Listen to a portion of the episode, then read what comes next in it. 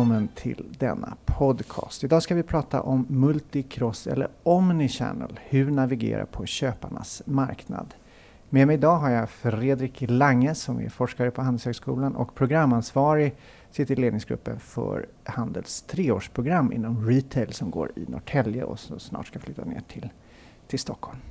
Så Fredrik, eh, berätta, hur kommer du in på den här banan bara lite kort? Det är rätt kul. När vi började programmet 2008 så visste vi att vi behövde utbilda studenterna om nya försäljningskanaler, som det hette för sju år sedan. Eh, den kursen har fortfarande inte blivit en enskild egen kurs, men vi har vävt in de här kanalfrågorna i massa andra kurser som vi har i programmet. Eh, och Ja, det finns ju superstor efterfrågan för kunskap. Både bland studenterna vill förstå det, som vi har, och företagen behöver också förstå det. Och vi som jobbar med det forskningsmässigt och som lärare på högskolan tycker att det är på toppen på agendan. Liksom. Och om man då ska förstå de här kanalerna så finns det olika kanaler. Vi börjar med att prata här om multicross och omni. Vad är det för skillnad på dem? Börja, grunden kan man säga historiskt då att eh, först då fanns det butiker som agerade i den fysiska världen. Och då hade de eh, lite olika sätt att möta sin marknad med stå små, små och stora butiker. Och så. Och så fanns ju postorder som en annan kanal. Um, när internet växte fram så blev det tydligare att man, man kunde ha en e-handelsverksamhet som var stor och man kunde ha en butikskedja i den fysiska världen. Och då tog man fram det här multikanal. Men i och med att man inte kunde så mycket om e-handel så ledde man verksamheten ganska frikopplat från varandra. Ehm, det var optimera varje enskild kanal men gör inte så mycket anpassningar.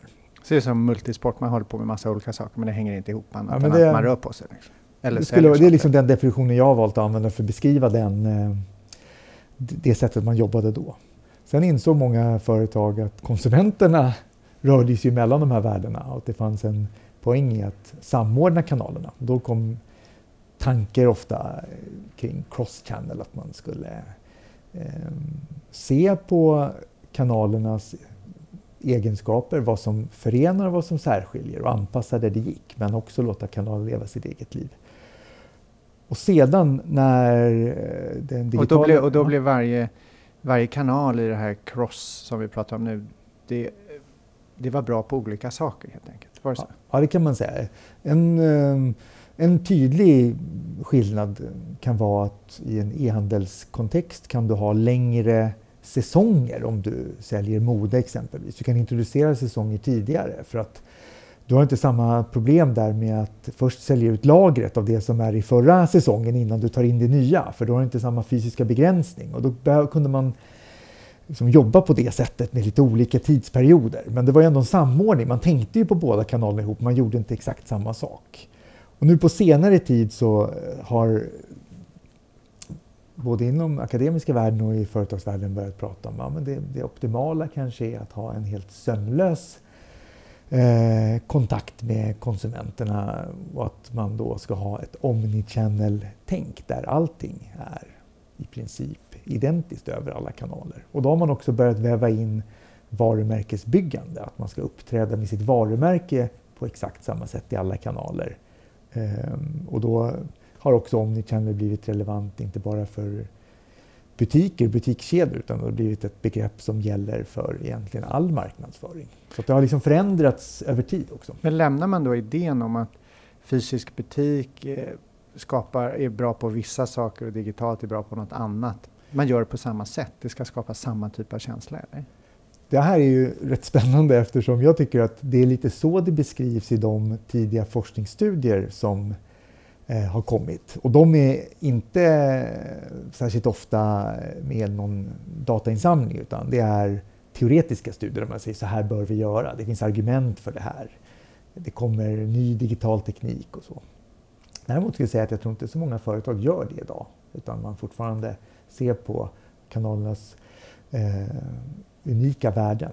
Däremot så rör sig många företag i att liksom den relationen jag som enskild konsument har med det här företaget ska vara utifrån omnichannel-tänkandet. Att min upplevelse av vad det här företaget i sin helhet erbjuder ska vara sömlöst.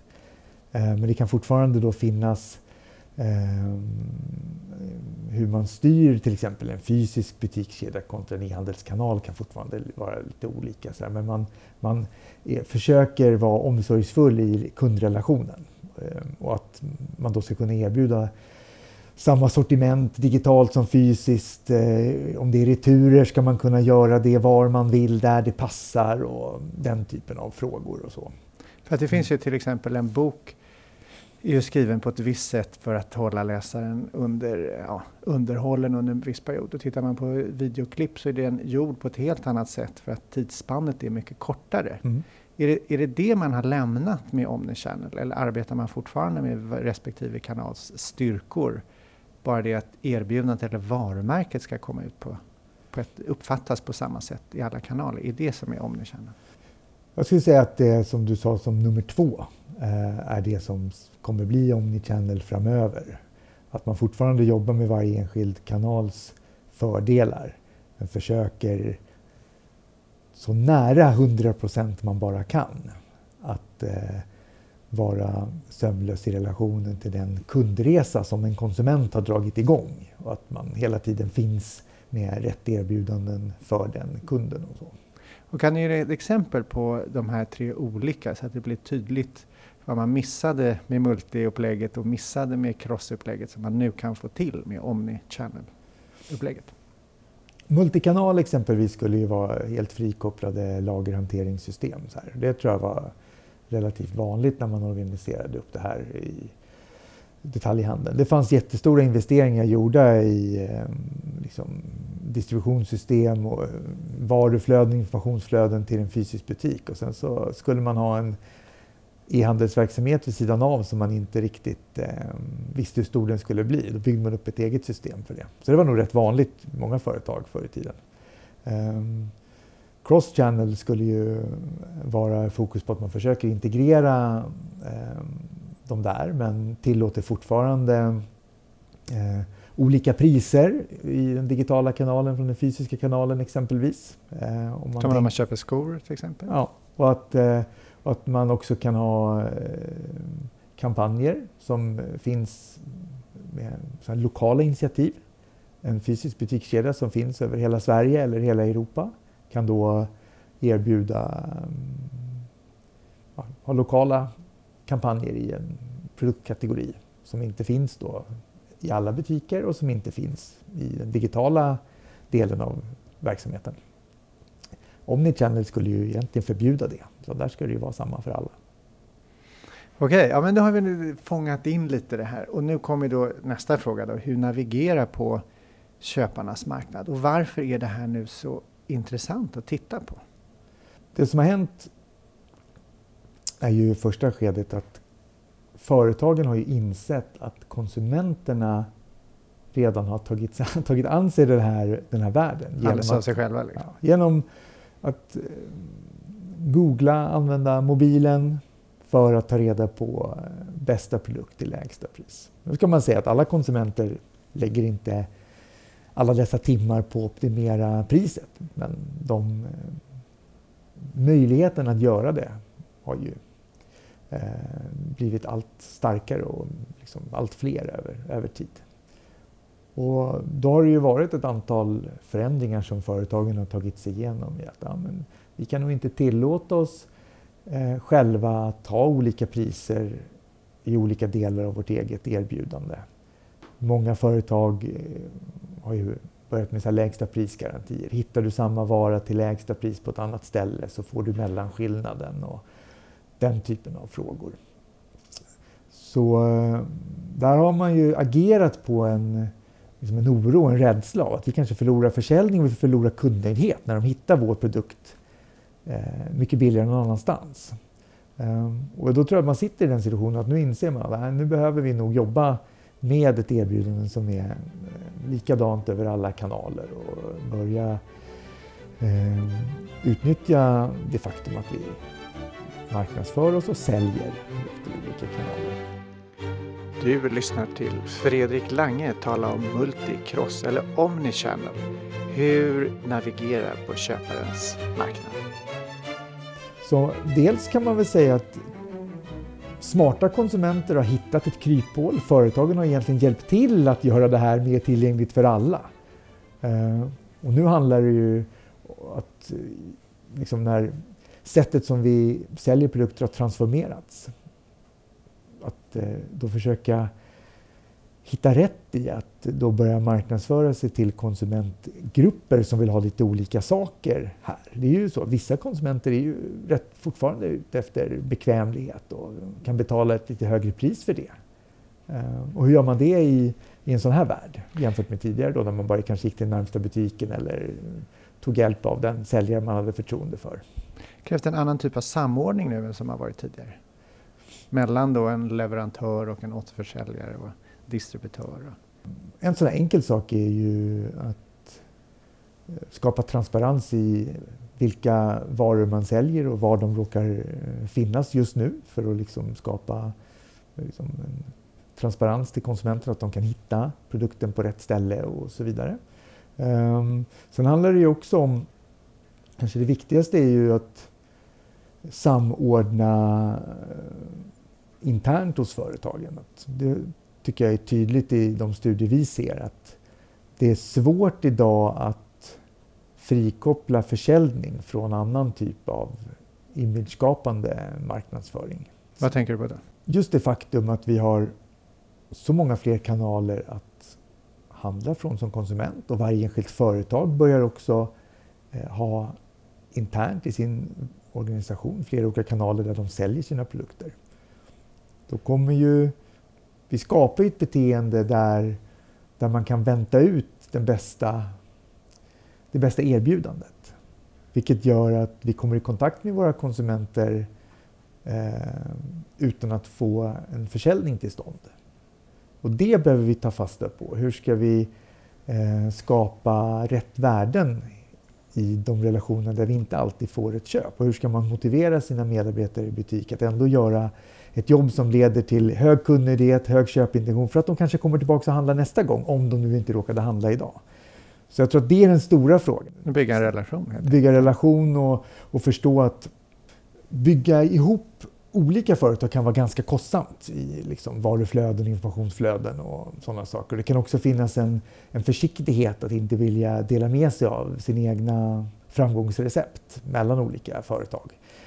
Däremot eh, tror jag att det blir allt svårare att ha en försäljningsavdelning som inte har någon förståelse för vad varumärket ska göra över sikt. Och vi kan inte heller ha en marknadsavdelning som tänker att vi ska göra spännande reklam i vår reklambyrå och inte ha förståelse för hur varumärket kommer till sin rätt i en situation där en konsument överväger ett köp. För att även om vi inte får till köpet så borde vi kunna få till en bra varumärkesupplevelse även i köpsituationen och inspirera och skapa relevans. Så där är en, en, den stora förändringen som jag skulle förutspå det är ju att man luckrar upp det organisatoriskt internt så att man, man styr kanalerna på olika sätt. Kompetensen kanske inte är en försäljningskompetens och en marknadskompetens utan kompetensen ska sitta i konsumentinsikter, eh, hur är vi effektiva i olika kanaler? Men då ska effektiviteten kunna både vara, både vara en effekt för varumärket och en effekt på försäljning, kort sikt och lång sikt. Men det här med öppenhet och att eh, dela det som funkar, är det någonting som kommer premieras tror du? Eller kommer de stora drakarna liksom stänga dörrarna och göra på sitt sätt och hålla, hålla den, den, de, de insikterna för sig själva? Kommer det löna sig att vara öppen och transparent? Du pratar ju om det att det, det är viktigt för de här produkterna att man kan hitta dem men också sättet man gör och hur man binder ihop hela värdekedjan. Kommer det bli en, en framgångsfaktor? Jag tror det återstår att se. Det här är ju relativt nytt. Det, man, det som skulle kunna tala för eh, ökad transparens är ju investeringskostnader i systemen som krävs. Branschen kan komma och dra slutsatser om att det här kan vara bra om vi, vi skapar systemen för transparens i det stora utanför enskilda företags väggar för att det kan kosta mycket. Och sen får man skapa konkurrensfördelar på annat sätt. Hur man eh, genererar relevanta konsumentinsikter utifrån all den data man får exempelvis. Eh, så det skulle kunna vara en utväg. Men jag är inte alls säker på att det kommer att bli transparent. Jag skulle säga att det är lite för tidigt att uttala sig om det. Så nu har vi eh, pratat lite om de här olika kanalerna och vi har pratat om att köparens marknad förändras snabbt i och med att alla har tillgång till sin mobil och kan jämföra priser. Och hur gör man då? Hur kan man agera? Du pratar om den här kundrelationen som förändras därför att det, man tittar på nätet och så går man till butiken och så kanske man inte köper men man vill ändå skapa en positiv upplevelse så att de kommer tillbaka. Vad är det mer som kommer att förändras? Tror du? Vad, vad behöver man bli bättre på? Man bör säljträna personal både som har direkt kundkontakt eh, via kundtjänst och i butik eh, men även de som eh, kanske är steget bakom som lägger upp eh, produkter på hemsidor och så vidare. Att de, de ser sig, de är väldigt tydliga att de, att de är en del av en större helhet. Eh, och att man börjar organisera eh, verksamheten så att, man, att det är enklare att styra över olika kanaler. Där tror jag det kommer in frågor internt om hur man ska organisera sin marknadsföringsbudget och hur den ska vara uppdelad. Sen tror jag man behöver ha en stark kompetens kring eh, olika kanaler, hur de fungerar. Eh, därför att, att kommunicera och sälja effektivt är inte samma, sätt, samma sak i en eh, fysisk butik eh, som i en digital när, eh, liksom, tillvaro. Utan man, man gör lite olika saker som konsument beroende på var man befinner sig. Just där tror jag är spännande, att man agerar olika i digital och fysisk eh, verklighet. Du berättade igår på ditt Wake Up här på IFL om ett popcorn-exempel, att sammanhanget påverkar hur vi agerar. Med andra ord kan man förstå skillnaden mellan webroom och showroom om man förstår sammanhanget. Kan du säga något om det? Det exemplet med popcornen det är just att eh, amerikanska forskare inom psykologi har sett att eh, de, de lät människor äta en vecka gamla popcorn. Eh, dels i en biosalong där popcorn har ett naturligt sammanhang och eh, bara i en vanlig föreläsningssal där det inte stämmer in. Eh, och det visade sig att ingen gillade popcornen men på bio så åt man precis lika mycket som de fräscha popcornen som var poppade bara 30 minuter innan för att det fanns så klart i det här sammanhanget. Och det jag tycker är intressant med det, det är att Eh, Eh, konsumenterna kan inte alltid artikulera varför de beter sig som de gör. Eh, däremot så kan vi titta på beteendet om vi nu gör typ en popcornstudie eller om vi tittar på eh, vad är det man letar efter för information i en digital värld och en, kontra en fysisk värld. Och så. Och det vi ser traditionellt sett nu kan ju vara så att i, eller det vi ser nu det är att i den digitala världen så letar man produktinformation, man söker recensioner om produkter och så vidare. Man skapar sig en bild av vad är det här för typ av produkt och så vidare. Man jämför priser. Eh, och i en fysisk butik så eh, är det snarare att man vill liksom bli inspirerad och få råd och tips och söka trygghet. I en studie vi gjorde tillsammans med eh, branschen så hittade vi att det man gör med mobiltelefonen idag när man är ute på stan och shoppar i fysiska butiker egentligen är samma sak som man gör när man sitter framför datorn eller en skärm. Så man har liksom förflyttat det digitala beteendet in där. Eh, det vore intressant att se hur man kan skapa eh, tjänster som gör att det blir någon form av hybridbeteende mellan liksom, den digitala och fysiska världen. Du lyssnar till Fredrik Lange tala om multicross eller omnichannel. Hur navigera på köparens marknad. Om vi går tillbaks till din första fråga då med hur gör man i den här delen och det exempel jag hade på Wake Up-föreläsningen igår med, med popcornen, det är ju att varje företag bör identifiera de kanaler som är viktigast för dem när de ska sälja sina varumärken. Och jag tror det finns två kanaler som stora företag alltid måste jobba med. De måste jobba med rörlig bild. Sen om det är tv-reklam eller om man säljer, kör det digitalt på internet och så vidare. Men man behöver inspirera och där visar all forskning att de riktigt effektiva kampanjerna, de jobbar med att visualisera varumärket och produkten eh, emotionellt med rörlig bild och ljud och text. Så tv-reklam är fortfarande väldigt stark liksom för att sätta en uppfattning kring vad produkten är för någonting. Sen behöver man förstå eh, konsumenternas dialog med varandra i sociala medier på olika sätt. Så man behöver, och där kan man inte styra kommunikationen. Det är väldigt annorlunda från till exempel när du gör en tv-reklam eller din egen hemsida. Där ska du understödja och skapa relevant innehåll för konsumenter att prata om två helt olika logiker. Och sen behöver man ha en förståelse för hur man tar konsumenten för den sista metern, det vill säga eh, i en fysisk butik att välja just vår produkt framför en annan och digitalt så handlar det ju då om att få det där relevanta klicket på köprutan. Eh, och det här är tre olika kompetenser och jag är upp, eh, övertygad om att eh, här kan man generera både varumärkesvärden och försäljningseffekter simultant. Då tycker jag att det verkar vara för framtiden en relevantare kompetens att ha. Det är att förstå både sales och brandbuilding. Men kanske att man har liksom, korsfunktionella team som eh, då bygger in kompetens kring sociala medier, butiksmarknadsföring och varumärkesbyggande. De tre sakerna? Ja. De tre sakerna. Och sen om det visar sig att eh, man har en stark konkurrent som man kan räkna men de finns i 30 kommunikationskanaler. Ja, det kanske inte är viktigt att finnas i alla dem. Om man kan hitta en systematik i de eh, kanaler som faktiskt ger hävstång för försäljning. Eh, ett alternativ är ju att låta eh, konkurrenterna driva de stora medieinvesteringarna men att sen pinpointa de eh, insatser som är extremt viktiga för att få, få till ett köp. Och det kan ju då vara att eh, få till en tät dialog med de konsumenter som är engagerade i den produkten man säljer i sociala medier för att få dem att vara ambassadörer. Troligtvis värt mycket mer än att finnas med eh, bannerannonser och eh, ja, både ett Instagramkonto och Twitterkonto bara för sakens skull. Det är innehållet i vad det ska leda till som är viktigt. Eh, men också tänka att ja, men, eh, finns, vi, finns vi i rätt köpkanaler och kan påverka konsumenten där så kan det ju fortfarande vara så att den här klassiska logiken inom marknadsföring, att man, många marknadsför kategorin men sen gäller det att marknadsföra sin produkt precis eh, i sanningens ögonblick. Kanalerna är så viktiga och det kommer vara det över lång tid eh, framåt. Det digitala kommer växa men alltså döden för fysisk handel, den, den kanske är överdriven. Och jag tror att de också kommer spetsa till sina erbjudanden och göra den fysiska butiksupplevelsen mycket mer attraktiv över tid. Och där, där kommer ju en följdfråga. Där. Ska det digitala rummet eh, spegla det som sker i, eller det man kan se när man kommer till en fysisk butik? Eller ska den fysiska butiken spegla det digitala innehållet?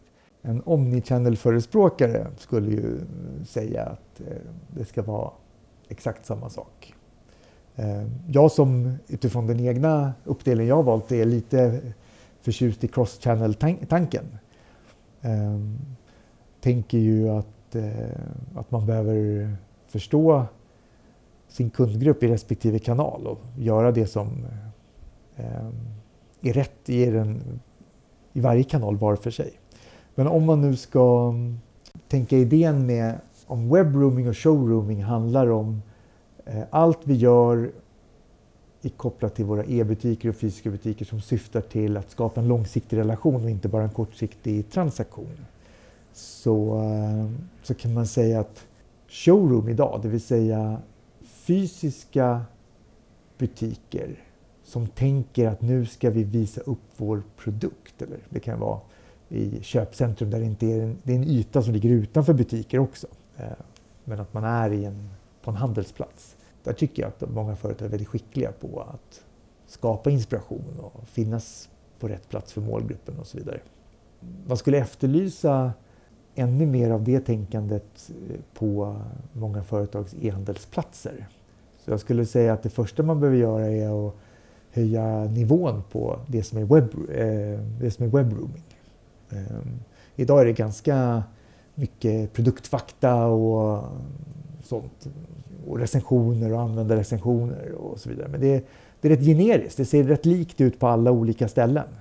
Eh, det vore spännande att se affärsutveckling som, som, som driver till att eh, det finns speciella eh, platser jag vill gå till för att där vet jag att jag får den bästa informationen. Så, så det skulle vara min bild, att snarare att få webbroomingen att spegla mer av de bästa showroomen. Och det, det är väl vad man då ser, men bakom det så finns det ju big data och de här psykologiska eh, insikterna om, eh, om eh, köpbeteenden. Mm. Vet du något företag som gör det här extra bra? Som har förstått det, som kan som går ner och borrar ner informationen. Och, eh... Bästa exemplen som jag brukar använda mig av är exempel som jag sett från amerikansk forskning där ofta företag som gör det är anonymiserat. Ett sådant exempel är att du har transaktioner i din kundklubb över ett antal år tillbaka och så tittar du på beteenden där och hittar exakt den priskänslighet som en viss kund har. Och sen börjar du skräddarsy erbjudanden där du ger kunder olika slags rabatter baserat på den prissänkning som ger just den enskilda konsumenten den wow-känsla som du vill åt i att här kan jag göra en riktigt bra deal. Eh, att man utnyttjar det historiska beteendet som en prognos för framtiden. Och då har du ett antal transaktioner till ordinarie pris och ett antal transaktioner där det har varit en prissänkning så kan du börja hitta exakt vilken nivå som krävs och vad som triggar enskilda konsumenter till att jobba med det där. Och för uh, de som är prisokänsliga, vad händer då? Det går åt andra hållet, då får man någonting extra? Ja, så kan det vara. Det här kan ju framstå som eh, kanske inte den vackraste av marknadsföring, men det är ju rätt transparent och accepterat i resebranschen. Man vet att man får olika priser beroende på vad man har sökt på tidigare och hur mycket platser det finns på ett visst flyg och så vidare. Att det är dynamiskt i det där. Du har köpt din flygbiljett till ett helt annat pris än stolsgrannen. Så där vet man att det är så. Man kan liksom förlika sig med det som konsument. Men det där kommer man se mera. Sen ett annat exempel på big data-utnyttjande det är ju innehållet i till exempel redaktionellt material i mediaprodukter, tidningar, tv, eh, stora eh, sajter, nyhetssajter och så. Och vilken kommunikation som är effektiv i anknytning till, till det redaktionella innehållet. Att man matchar och mixar det man skriver om som är en nyhet och det som är eh, kommunikation. Så det är väldigt tydligt med, med den den delen. Och, ja, vi ska inte ens kanske börja prata ens om hur, hur Google försöker jobba med big data och shoppinginsikt, eller eh, kundinsikter. Sen är de olika bra i olika delar av sin verksamhet, men de utvecklar ju ständigt. Men det här, det här, får ju konsekvenser. De som är insatta i att förstå att man läser en artikel och säger okej, okay, här är fyra företag eller ett företag som nämns, då vet man att den här artikeln är köpt. Det påverkar ju hela uppfattningen om vad som är sant och inte. Alltså om vi alla blir en, en, en kundrelation till varandra så finns det inte någon liksom, extern sanning i det bemärkelsen att jag vill ha någonting av dig och därför... Alltså det påverkar hur vi förhåller oss till varandra till slut. Ja. Jag delar den uppfattningen eh, helt och hållet. Och där finns det också ett informationsövertag. Den som säger att ah, så här ser det ut, det här är spelets regler. Artiklarna är köpta eller presenterade på sätt som ska framhäva någon, ett företag Eh, eller en organisation för den delen. Så att det blir ju nästan en rysk upplevelse av att informationen är helt styrd. Och hur påverkar det då vårt, vårt samhällsklimat och vårt eh, debattklimat helt enkelt? Om man inte kan förhålla sig till objektiva fakta. Min reflektion kring det är att det här har kunnat ske i alla tider med liksom propaganda och påverkan och den typen av effekter. Det, det, här som händer nu med det är att konsumenten är med på banan och är en aktör i det här. Och kan också då genom sitt beteende, om de anammar det här, eh, skapa sig eh, fördelar. Eh, vi, vi har ju gjort en studie. Men det kräver där, att man kastar sig in i ja, det och ja. håller sig uppdaterad och söker och jämför och, ja. och är aktiv. Ja. Och man behöver ju, för att vara effektiv i det här som konsument, så behöver du ju ha ganska tydlig distans till dina butiker och dina produkter som du köper. Att liksom, det finns ju ett jättestort område inom eh, marknadsföring där man pratar om liksom starka varumärkesrelationer. Man, skriver, man beskriver varumärkesrelationer i termer av så starka psykologiska samband som attachment och brand love och allt vad det ska vara. Liksom, där det är liksom Man en lever sitt... Ja, en kärleksrelation. Tatuerar på kroppen. Precis, det är en kärleksrelation mellan företaget och konsumenterna. Och så pratar man om det här att ja, men här har vi big data och så kan vi se exakt vilket pris vi ska sätta till vilken konsument. Ja, det, det är kanske inte en, eh, liksom, eh, kanske inte en öppen kärleksrelation som beskrivs.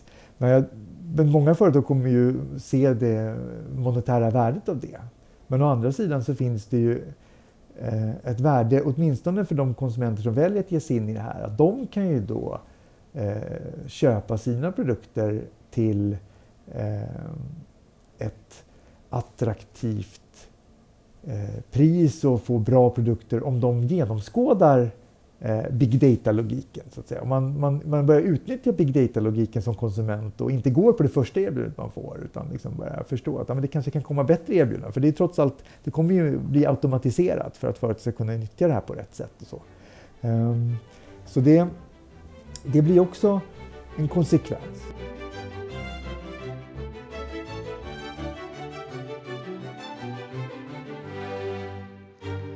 Du lyssnar till Fredrik Lange tala om multicross eller omnichannel. Hur navigera på köparens marknad. Jag delar helt uppfattningen kring att man, man behöver verkligen fundera på vad som är den objektiva eh, faktan.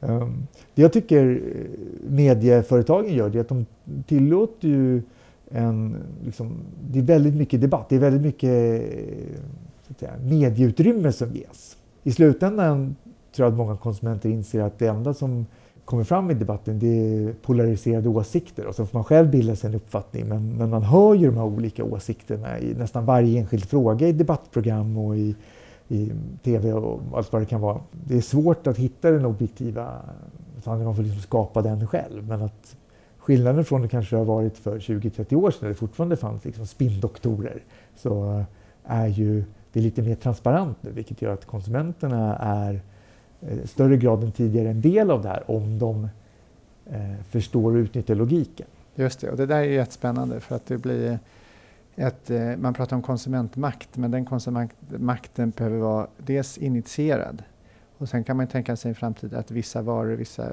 segment inte alls säljs i en fysisk butik för det är alldeles för dyrt och då måste det vara på nätet och då måste man förstå hur man ska agera där för att inte bli blåst helt enkelt. Ja.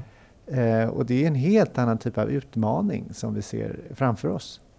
Eh, så att man inte bara, alltså om man inte är utbildad så är det inte bara att man inte kanske får något jobb utan man får betala mycket mer för samma produkter för man vet inte hur man ska agera i den här digitala världen. Mm.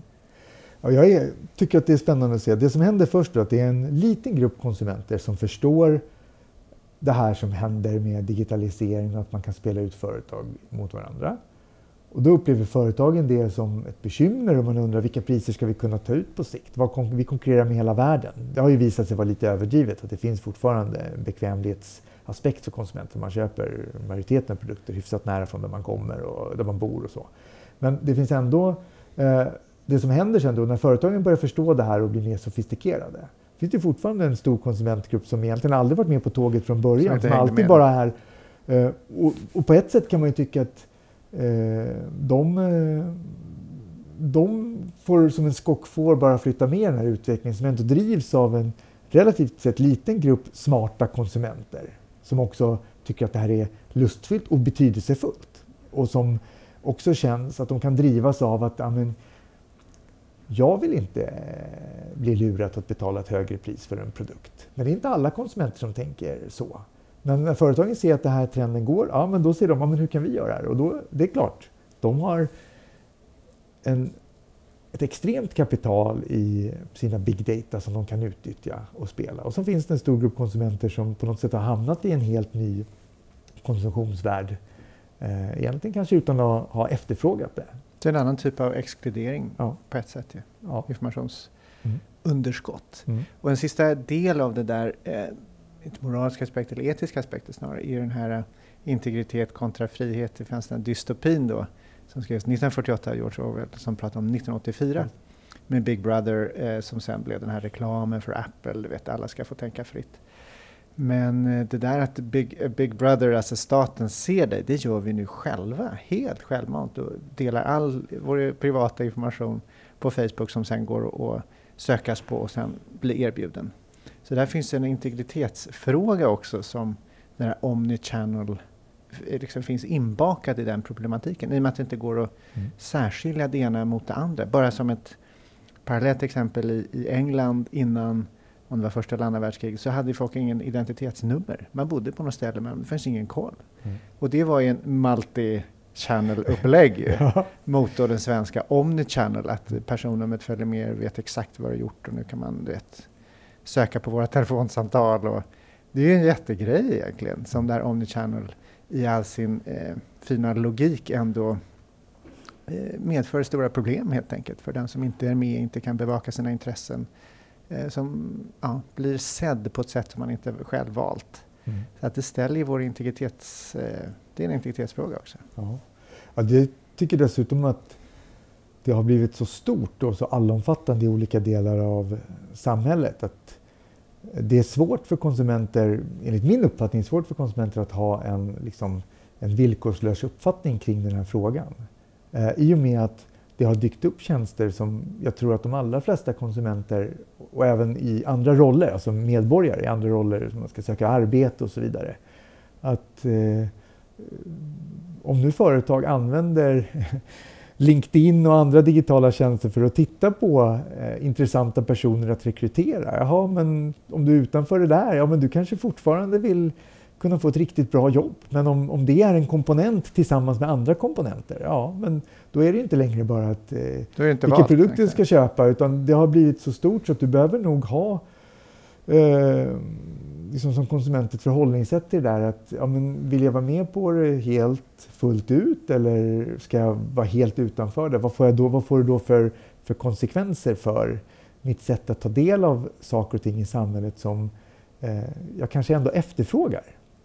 Medan det finns andra saker som jag absolut inte efterfrågar. Eh, och så.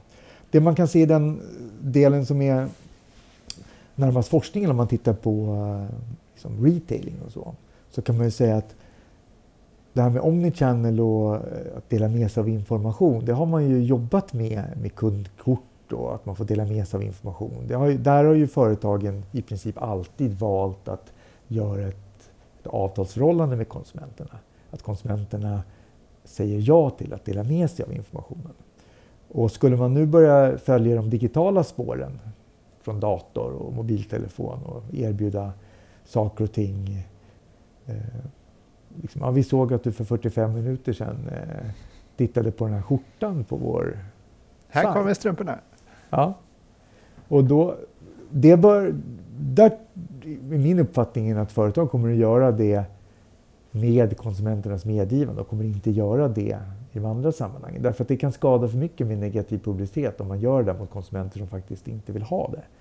Ehm, de studier vi har gjort visar att när man inte eh, lägger på ett sådant filter så är snarare effekten positiv än negativ om man tittar över hela undersökningen. Det kan ju naturligtvis finnas enskilda personer som ogillar det här men om man tittar över hela undersökningen så anpassade erbjudanden där, där jag som konsument får ut någonting av att jag har delat med mig av min sökhistorik. Och det ger mig en fördel i att jag får en bra produkt. Jag får förhandsinformation om nya produkter i sortimentet eller vad det nu kan vara. De flesta konsumenter tenderar att gilla det. Eh, I en riktig situation, för vi hade ändå scenarier som var tänkta eftersom den här tekniken inte är så utvecklad ännu. Eh, då eh, skulle jag säga att det är optimalt för företagen att jobba med medgivanden initialt. Eh, för det kan vara någonting annat när det verkligen dras till sin spets och att det det sker i realtid och så. Och sen kommer det finnas en annan faktor i att när det där erbjuds av hundratals detaljister samtidigt, ja då kommer ju konsumenterna bli trötta på det och tycka att det är bara ett klutter av erbjudanden som kommer. Så kommer nästa utmaning komma, hur är relevant när alla gör det? Idag när ingen gör det, då kan man ju ha en konkurrensfördel kortsiktigt. Um, så det finns ju också en, en, eh, man kan bara se att det blir en del av eh, corporate, corporate responsibility att faktiskt eh, värna integriteten av kundens integritet i, i den här det, frågan. Att göra både och. Att göra och, både och. Och, och sen också eh, ytterligare följa vad händer nu med det här i ett större sammanhang? Den här frågan kring etik och integritet. Vad händer i det större eh, sammanhanget? Eh, för det finns ju händelser i livet som är långt viktigare för människor än skjorta och slips eller strumpor och skor och så. Eh, där man också har sett att det då finns information lagrad om liksom kopplat till kriminalitet och sådana saker där, där det kan kännas helt annorlunda att det är öppet för alla. Liksom. Det kanske man inte vill dela med sig av.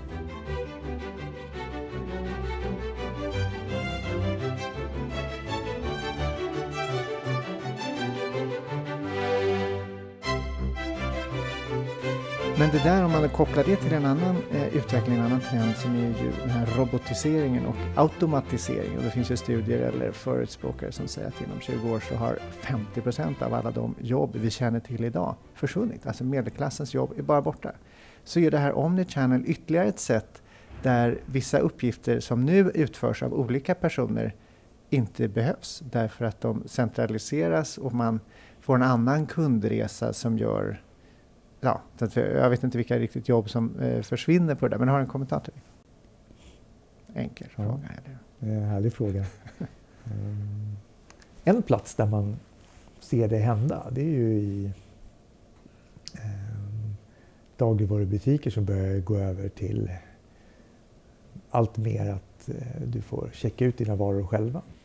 Det var ju anammat lite IKEA-stilen att liksom, nej nu nu behöver du inte lägga upp det på bandet längre utan nu är det du själv som skannar det. Både självskanning under butiksbesök men också vid utgångskassorna. Ja, som bankerna gjorde tio år tidigare. Och då har du ju idén att du har ju en personalen som var kassapersonal så kan du ha en person som går runt och kollar att allting funkar och flyter för sju, åtta liksom, kassaapparater. Det är ju inte en robot på så sätt, men man skulle kunna tänka sig att nästa steg av det här är att det, du bara lägger varorna där, så är det en robot som lägger det på bandet och fixar och så står du och...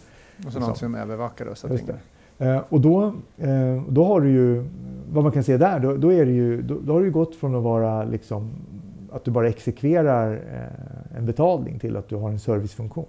Men det är inte lika många som behövs för servicefunktionen som exekverar betalningen. Så där har du ju, så att säga, en, det försvinner ju mer jobb än vad det tillkommer.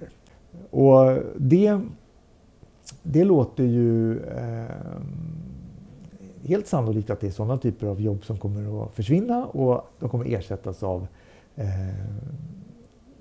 personal som ser till att, att hantera när sakerna i systemet havererar. Men som också kan liksom, skapa värde i den där kundrelationen. Då. Eh, och rollen och, är egentligen att supportera systemet? Ja, Snarare att, eh, att man styr själv systemet så blir man styrd av systemet. Ja. Man befinner sig under robotarna så att ja, säga, i hierarkin.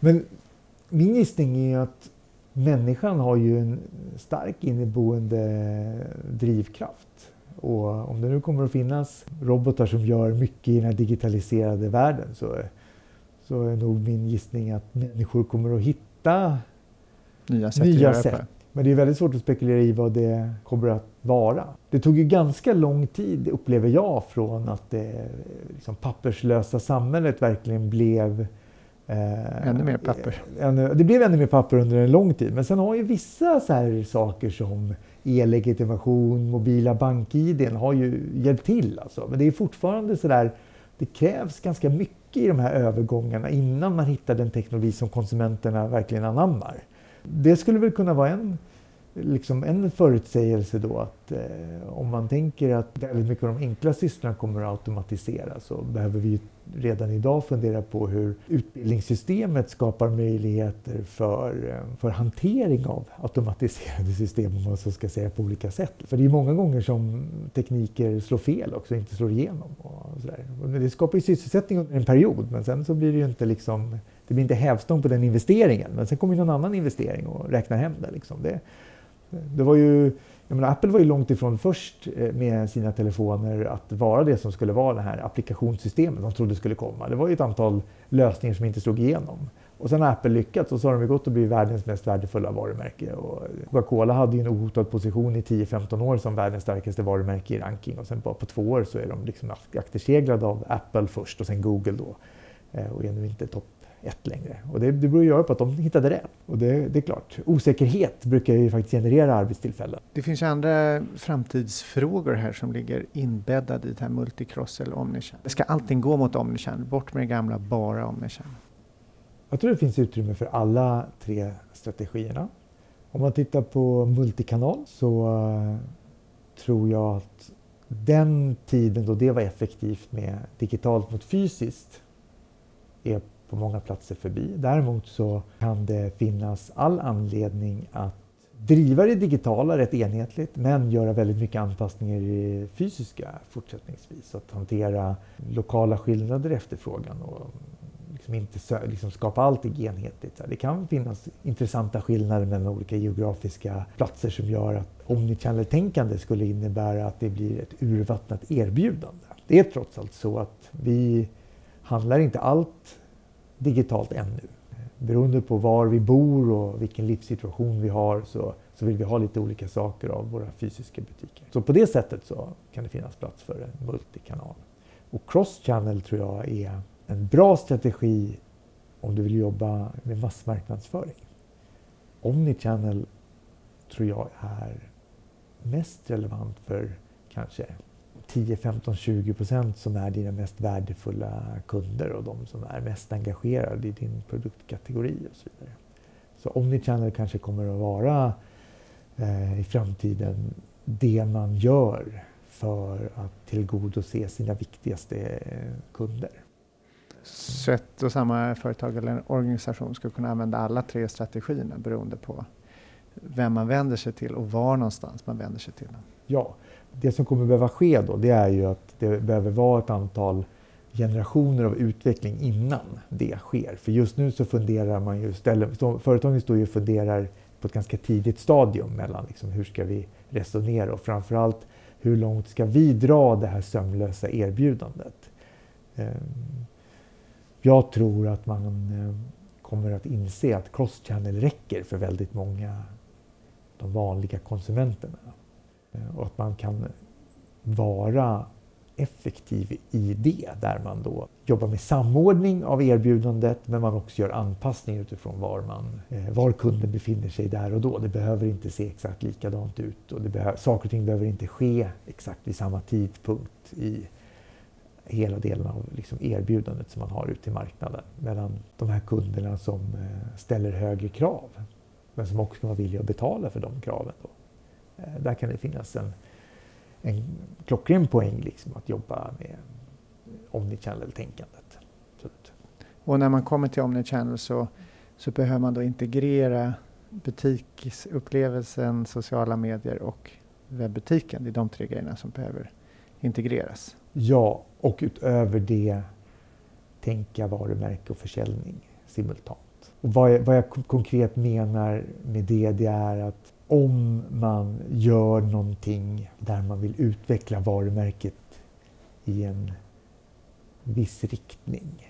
Göra varumärket mer ungdomligt, mer modernt eller vad det nu kan vara. Ta även med det till de kundkontakter du har som primärt rör att du ska sälja produkten. Så när du säljer produkten i en digital eller fysisk butik, säkra upp att du också får med dig de varumärkespoänger som du vill etablera.